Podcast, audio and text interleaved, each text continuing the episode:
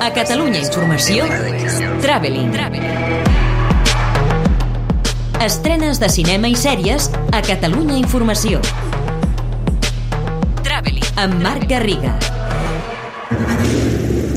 I'm the owner of a salvage business, Jaume Balagueró, el director que va saltar la fama amb Rec, s'ha passat al blockbuster familiar d'aventures. A, a mi una cosa que m'agrada molt de la pel·lícula és que no és violenta, no? No hi ha, no hi ha violència, la violència no juga. No és, una, no és un jugador més d'aquesta d'aquesta història, sinó que el que juga és, és el cap. Way Down relata l'assalt impossible a la cambra cuirassada del Banc d'Espanya, mentre a l'exterior desenes de milers de persones segueixen per pantalla la final del Mundial de Sud-àfrica, un film amb vocació d'èxit internacional i d'agradar a tots els públics. A Way Down, en lloc de la sang i les vísceres habituals del cinema de Balagueró, prima la passió i l'enginy, sobretot del seu protagonista, un enginyer brillant interpretat per Freddie Highmore, l'actor britànic conegut per les sèries The Good Doctor i Bates Motel, que ha de trobar la clau per superar tots els paranys que té preparats el sistema de protecció d'aquesta cambra cuirassada inexpugnable, segons diu la llegenda. En definitiva, Way Down és un film escapista, d'intriga, amb escenes espectaculars, amb bons actors, també hi ha Liam Cunningham, José Coronado, Luis Tosar i Emilio Gutiérrez Cava,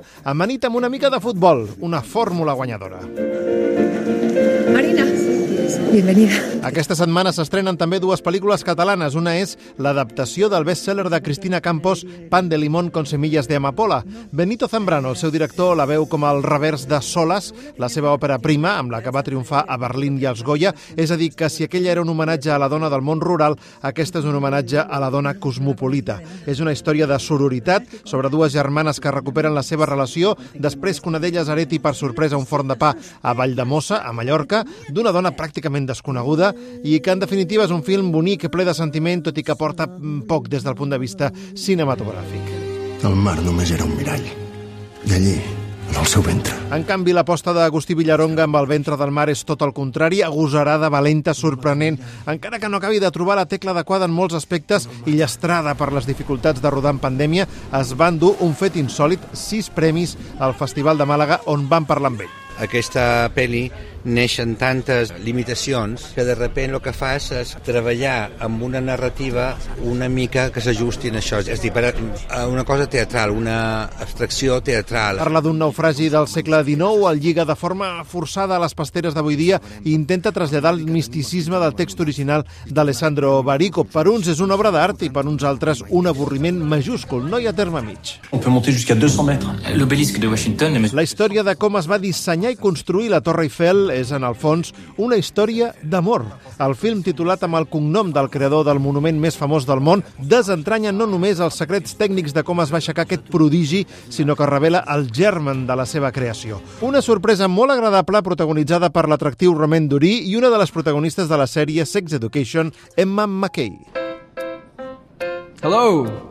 Hi. Welcome. També cal destacar l'estrena del musical Tic Tic Boom, l'entretinguda adaptació que l'Immanuel Miranda ha fet de l'obra de Jonathan Larson, el creador de Rent, amb un Andrew Garfield esplèndid i que el dia 19 ja es podrà veure a Netflix, o l'adrenalític thriller Till Death, hasta que la muerte nos separe, amb una recuperada Megan Fox fugint de les trampes del seu marit enmig de la neu i el gel. Completen la cartellera la desastrosa comèdia espanyola nadalenca Cuidado con lo que deseas, el divertit documental de Sparks Brothers sobre el duo que ha marcat la música dels últims 50 anys i que ha escrit la banda sonora de Net, i l'últim film musical de Carlos Saura, El rei de todo el mundo. Amarillo, negro, rojo. Entre les estrenes en plataformes destaca la brillant cinta mexicana Noche de Fuego, premiada a Canes i Sant Sebastià, que confirma Tatiana Huezo com un talent a seguir ben de prop, disponible a Netflix a partir del dia 17. Abans, el dia 12, Disney Plus estrena la terrible pseudo-seqüela de Sol a casa, Por fin solo en casa, incapaç d'entretenir a petits i a grans. I pel que fa a les sèries, cal parlar de Kamikaze. Et før Una extravagant sèrie danesa que HBO Max estrena el dia 14 sobre una noia amb tendències suïcides des del dia que la seva família mor en un accident d'avió. Una reflexió dramàtica molt potent sobre els toms inesperats que pot donar la vida i sobre com trobar nous anels per viure. A Disney Plus, mentrestant, s'estrena Dopsic, amb Michael Keaton, una sèrie impactant sobre els efectes desoladors del consum d'opiacis als Estats Units. I l'aposta d'Apple TV Plus és The Shrink Next Door, basada en un podcast nord-americà d'èxit aclaparador que explica la història real de com l'anomenat psiquiatre dels famosos va convertir la teràpia amb un dels seus pacients en una història de dominació sòrdida. Traveling. Estrenes de cinema i sèries a Catalunya Informació, amb Marc Garriga.